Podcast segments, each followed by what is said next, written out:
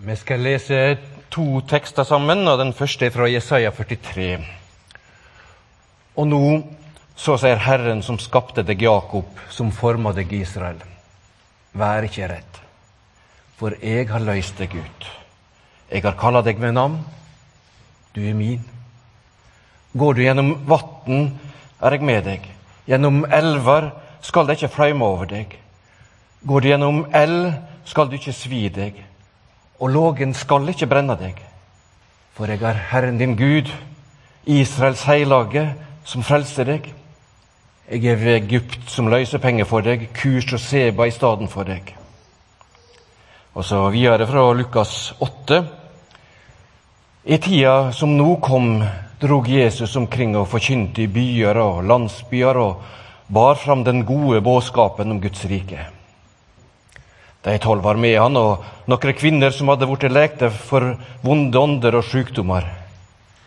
Det var Maria med tilnavnet Magdalena, som sju vonde ånder hadde faret ut av. Johanna, som var gift med kuse og en forvalter hos Herodes, og Susanna og mange andre. Med alt de eide, tjente de Jesus og de tolv. Slik lyder Herrens ord. Det blir bare noen uh, få tanker nå som dere tar med dere ut i, uh, i, dagen. Jeg skal ikke holde en lang tale. Bare hold meg ansvarlig for det, så skal vi gjøre det kort i dag. Dere har hørt mye og sett mye. Uh, og så har dere fått en liten bit nå av det aller første episoden av The Chosen. Og dere skjønner at det er Maria Magdalena som er en av hovedpersonene. Maria Magdalena hun var ikke en av de tolv fordi hun var kvinne. Og Jesus han eh, valgte å være ganske tradisjonell når han skulle ha de tolv nærmeste apostlene. Da ble de menn. Men han hadde flere viktige kvinner rundt seg, og de løftes fram i denne serien. og En av de er Maria Magdalena, som, som han også ga den spesielle oppgaven. Jeg tenker at Han ga henne den oppgaven å være mitt første oppstandelsesvitne som kom til graven, og som sprang tilbake som kvinne og fortalte det uhørlige, eller utrolige, at Jesus hadde stått opp igjen fra de døde.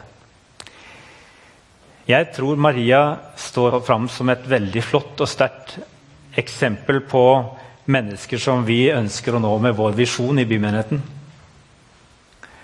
Og jeg syns det er spennende at uh, det tas utgangspunkt i dette verset om å være, å være kalt ved navn.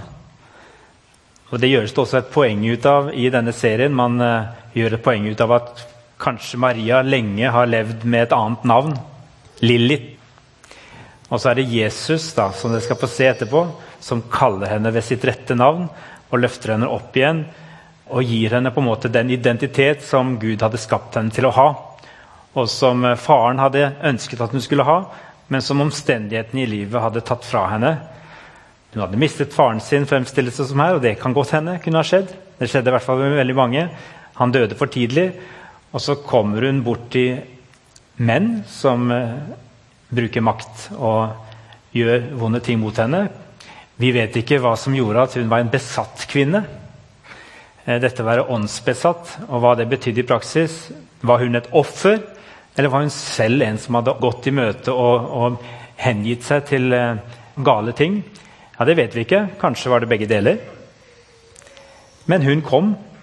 Hun var i en situasjon der det vil se i første episode, hun var fullstendig på utsiden av samfunnet og fornedret og i krise.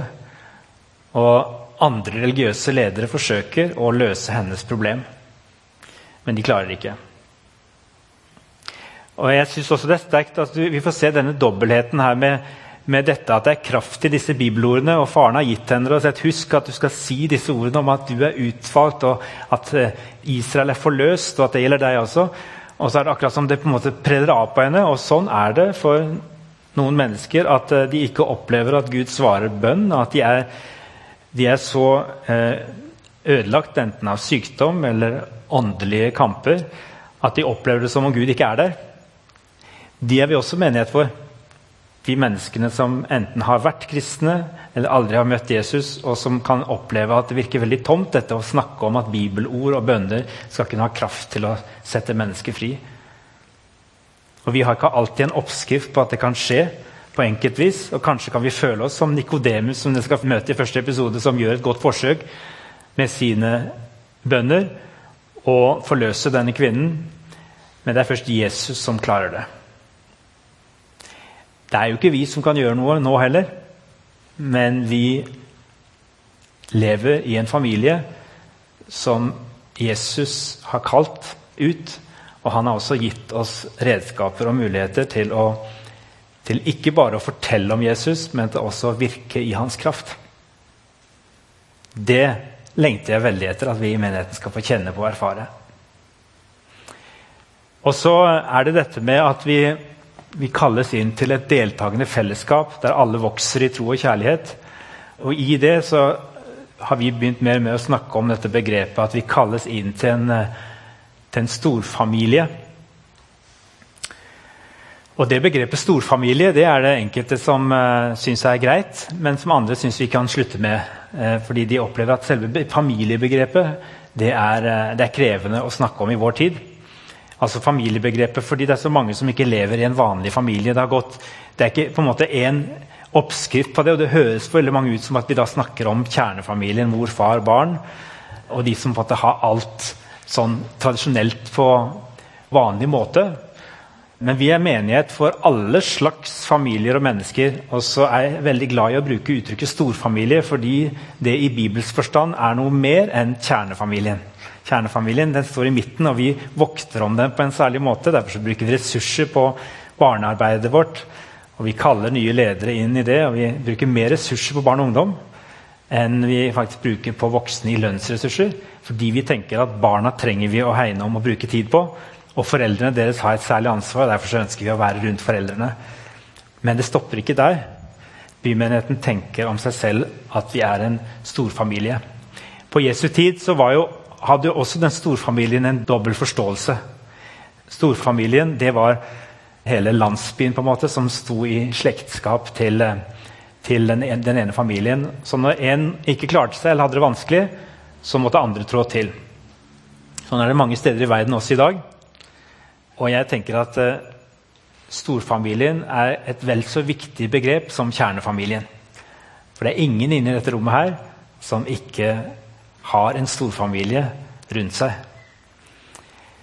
Og Det kan være slektningene deres og familien deres, men for mange av dere så er familien deres langt borte. Den biologiske familien.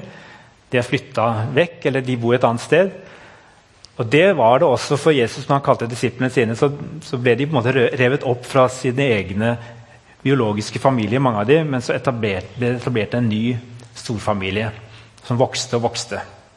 Og så skal ikke den eh, spilles ut mot vår biologiske familie. Det henger sammen, men det betyr at uh, ingen trenger å tenke om seg selv at de ikke hører med.